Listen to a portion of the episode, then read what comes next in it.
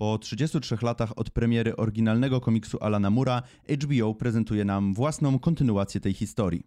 Jak sprawdza się dziewięcioodcinkowa miniseria Damona Lindelofa? Opowiemy Wam o niej w tym odcinku.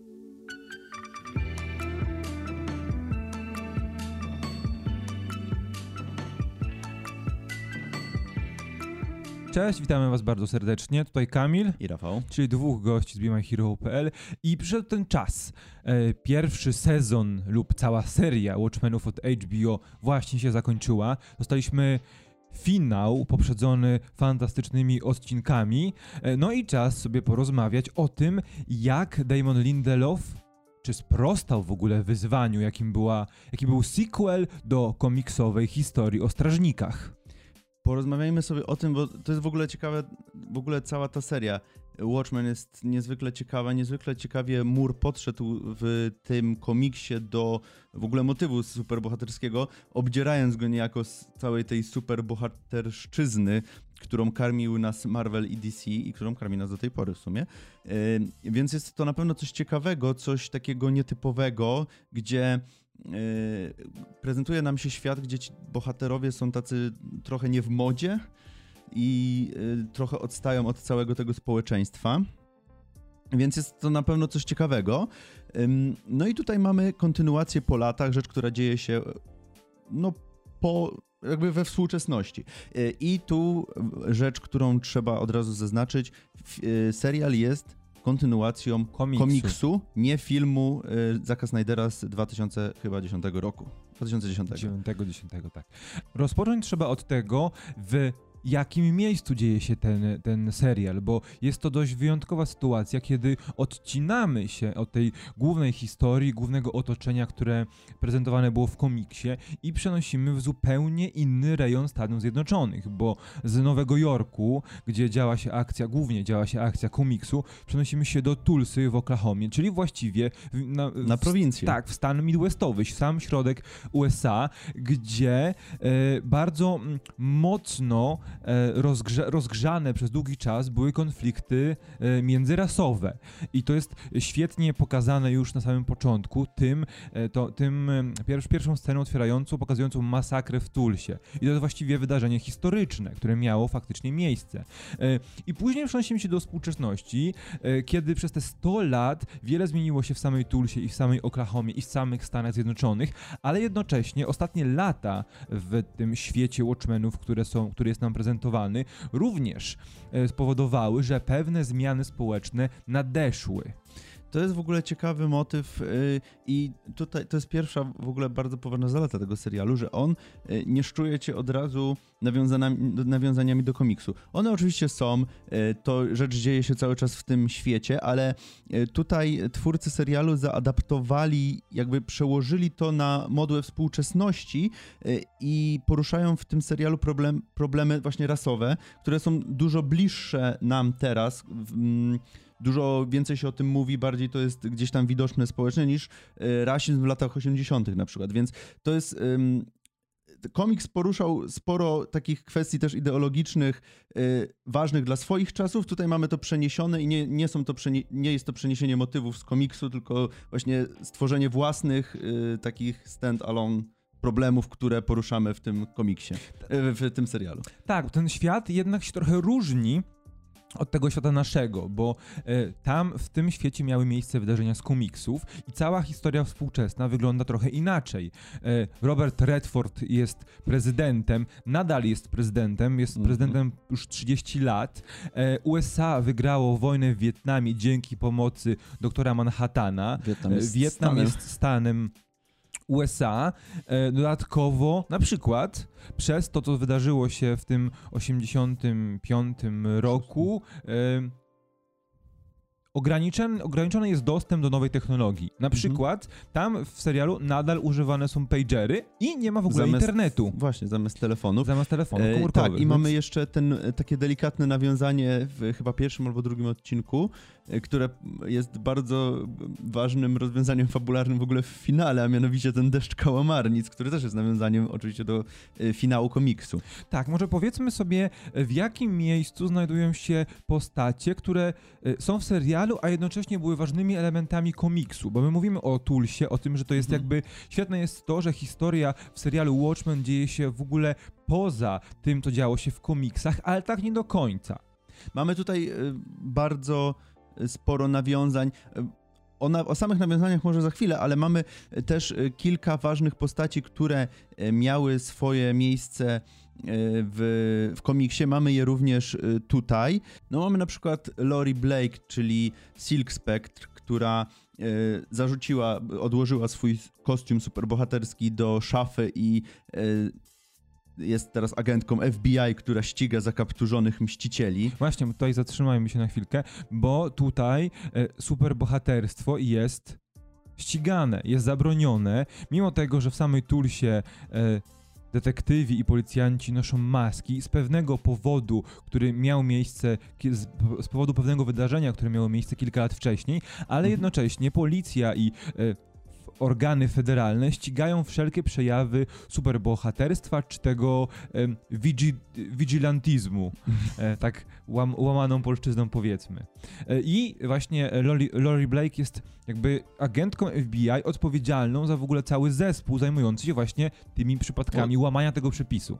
Mm, Z ważnych postaci mamy jeszcze gdzieś przeplatający się przez cały serial e, wątek Adriana Wejta, czyli Ozymandiasza, który e, udał się na wygnanie. Jest w odizolowanym miejscu, e, nikt nie wie gdzie to jest, ni- nikt nie wie jak on się tam dostał, nikt nie wie co on tam właściwie robi, kto go tam zamknął. My przez długi czas też nie wiemy. No to właśnie mówię, nikt łącznie z nami. I y, ten wątek, miałem wrażenie, jest najbardziej na uboczu i do samego finału praktycznie sądziłem, że y, ten Ozymandiasz tam jest, mimo że jest on wyśmienicie zagrany przez Jeremy'ego Ironsa, y, to mam, miałem wrażenie, że ten Ozymandiasz gdzieś tam sobie jest tak tylko dlatego, że, że jest ten Ozymandiasz, po prostu, żeby była rozpoznawalna postać. Ten W serialu? był taki najbardziej zakręcony, najbardziej dziwny, tak, najbardziej dziwny. nie pasujący do reszty wydarzeń, które mają miejsce w serialu. Najbardziej taki oderwany od Tak. rzeczywistości, bo mimo tego, że mamy tutaj zupełnie inną rzeczywistość, to jednak ten serial jest taki bardzo przyziemny, bardzo taki mm, brudny i no, no przyziemny to jest chyba najlepsze słowo, a to tam były zupełnie odjechane akcje w tym wątku To ma sens, ale nie możemy wam niczego powiedzieć, niczego więcej, bo nie chcemy wam, nie chcemy wam, wam, was Mhm. odrzeć z tej przyjemności poznawania tej historii. No i jest oczywiście jeszcze jedna postać, która przejawia się, której obecność jest bardzo istotna dla całego tego świata, a mianowicie doktor Manhattan, który mówi się potocznie, że jest na Marsie, ale tak naprawdę nie wiadomo Gdzie do końca, gdzie jest. E, Doktor Manhattan jest bardzo istotną osobą, postacią z punktu widzenia całości tego finału, który nam zamyka historię, e, przede wszystkim też historię doktora Manhattana, ale nie powiemy wam nic więcej, bo nie chcemy oczywiście wejść na pole spoilerowe. I samo odkrywanie tej historii jest po prostu no, dużą przyjemnością i e, łączenie tych wątków. I teraz jak tak oglądałem ten, no był ten serial z nami y, przez 9 tygodni, z tygodnia na tydzień się oglądało ten, ale teraz jak się pomyśli z, tak z perspektywy i połączy te wszystkie wątki, które gdzieś tam się pojawiały, były zaznaczane w międzyczasie w poszczególnych odcinkach, które nie by, były wcale ważne w tych odcinkach, później na końcu to się wszystko faktycznie, faktycznie splata. No ale powiedzieliśmy sobie o y, tych y, postaciach, które już znamy, o starych znajomych, to porozmawiajmy sobie teraz chwilę o postaciach, które y, są nowe w tej historii, które się pojawiają dopiero w serialu. No i mamy naszą Angelę Abar, Ej, bar. Abar która jest byłą policjantką pochodzącą z Wietnamu. No i tutaj jest superbohaterką o pseudonimie Sister Knight. No tak, ona jest e, właśnie jedną z tych e, detektywów w kostiumach, którzy działają na zlecenie e, policji w Tulsie i ona jest tak troszeczkę poza prawem. Ona jest bezwzględna, ona może podejmować wszelkie środki, aby dotrzeć do prawdy i uzyskać informacje, które są potrzebne. Tak samo jak kilku jej kolegów, ale e, jest też mm, matką dla trójki dzieci, która adoptowała po czymś, co nazywała się co, nazywało się Białą Nocą, co właśnie przekłada się na to, że wszyscy funkcjonariusze policji w Tulsie noszą maski. No kolejną taką postacią jest Wade Tillman, y, czyli gościu, który też jest superbohaterem i też y, przyjmuje pseudonim Looking Glass. Y, I on jest taką postacią, która tutaj on no, też jest jednym z tych detektywów. Tutaj jego taką umiejętnością można powiedzieć jest to, że on rozpoznaje, kiedy ktoś kłamie, y, co również jest przydatne dla y, funkcjonariuszy policji. No i też on jest tutaj takim właśnie detektywem na zle- działającym na zlecenie policji, trochę poza prawem. Y, Ważna rzecz, bo tutaj przez większość tego sezonu mówi się nam, że głównym wrogiem jest siódma kawaleria, czyli grupa byłych białych supremacystów, takich troszeczkę rasistów, redneków, którzy y, wzorują się swoje działania na dzienniku Rorschaka. Który, jak wiemy, no był szalonym gościem, który niewiele miał wspólnego z rzeczywistością, był całkowicie od niej oderwany, E, a jednocześnie ma wielu zwolenników i śmiałków, którzy idą za jego słowem. I wydaje się przez długi czas, że to właśnie ta siódma kawaleria jest naszym głównym przeciw przeciwnikiem naszych głównych bohaterów. Ale to się w trakcie tego serialu zmienia. Nie powiemy wam jak, bo siódma kawaleria jest obecna aż do końca i ma jednak wpływ na finałowe rozstrzygnięcia, ale nie jest tak istotnie, jak wydawać mi się mogło na Nie początku jest- tej serii. nie jest jedną z sił i to jest y, też... y, Bardzo dobre granie jest, na nosie. Tak, to jest bardzo dobre zagranie na nosie, bardzo dobrze y, to określiłeś. Y, Faktycznie, mamy tutaj inną antagonistkę, o której też za wiele nie możemy powiedzieć, bo to też będzie spoiler do fabuły troszkę. Mamy, tak naprawdę mamy kilku antagonistów. No, E, nie główną tylko jed... jedną. No, niby tak. Jednego, jedną. Kurde. E, Okej, ja jeszcze, zanim przejdziemy do podsumowania, chciałbym poruszyć temat stylistyk, które, stylistyk reżyserskich, tego jak to wszystko wygląda i jak działa na ekranie, bo serial rozpoczyna się dosyć zwyczajnie, mimo że jest ta ciężka atmosfera, dużo rzeczy dzieje się w nocy, świetnie pasuje do niej muzyka, która jest e, podkładana pod sceny akcji, mimo że jest tam niewiele slow motion, e, a wiadomo, że często tego typu serie skupiają się, opierają się o tego, tego typu zabiegi reżyserskie, ale to się z czasem zmienia, bo dostajemy odcinek, który jest odcinkiem noir. Dostajemy Mhm. jeden odcinek poświęcony wyłącznie Luki Glassowi i poznajemy go, jego historię. Otrzymujemy odcinek, który jest właściwie historią miłosną w całości. Jest tego naprawdę dużo i przez część sezonu zastanawialiśmy się, czy to będzie miało sens, czy to nie jest zbyt duży rozrzut stylistyczny. Jednak okazuje się, że to wszystko działa. To prawda, działa, aczkolwiek tutaj, e, jeżeli miałbym mieć jakiś zarzut, to faktycznie przydałby się jeszcze z jeden odcinek, żeby, te, żeby to wszystko lepiej wybrzmiało, bo e, jeżeli chodzi o sam finał, to on był tak dobrze podbudowany, a w tym finale wszystko tak gnało na łeb na szyję, że mm, nie miałem momentu na odetchnięcie, na bycie z tymi postaciami, tylko po prostu miałem wrażenie, że tutaj twórcy e, strzelają tymi wątkami jak z karabinu maszynowego, tylko żeby je podomykać. Przez co no trochę, trochę ten finał przez to trochę nie zagrał mi. Ja mam wrażenie, że to się wydarzyło z jednego powodu. Z tego, że Damon Lindelof powiedział, że on chce stworzyć zamkniętą historię. On nie chce zostawiać nas w niepewności, co się wydarzy dalej. On nie chce forsować kolejnych sezonów niepotrzebnie, e, więc postanowił wszystko, co trzeba, zamknąć w finale. I faktycznie czuć, że można było poświęcić tym postaciom jeszcze tak 30 minut więcej, odcinek więcej, żeby nie pędzić tak na koniec, nie rozwiązywać bardzo prosto tych wątków, nie, za, nie zamykać ich bardzo prosto, e, jednocześnie nam e, dać satysfakcjonujące rozwiązanie dla każdego. To jest faktycznie zarzut, tylko że to jest w kontekście całości taki niezbyt duży zarzut. Tak no i to wydaje. jest też y, po prostu bardziej zarzut do formy, którą przybrali twórcy, a nie do Tak, tego, że coś nie wyszło tak. tutaj.